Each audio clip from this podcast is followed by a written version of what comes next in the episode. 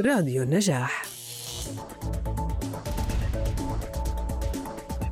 يعلن مركز سي إم إف إم إي سي عن دورة الوسائل البديلة لحل المنازعات التجارية عبر تطبيق Google Meet. الهدف من هذه الدورة التعرف على أهمية الوسائل البديلة لحل المنازعات والإحاطة بأساسيات صياغة اتفاق التحكيم واتفاق الوساطة والتعرف على الضوابط القانونية للوسائل البديلة في تمام الساعة الثامنة مساءً.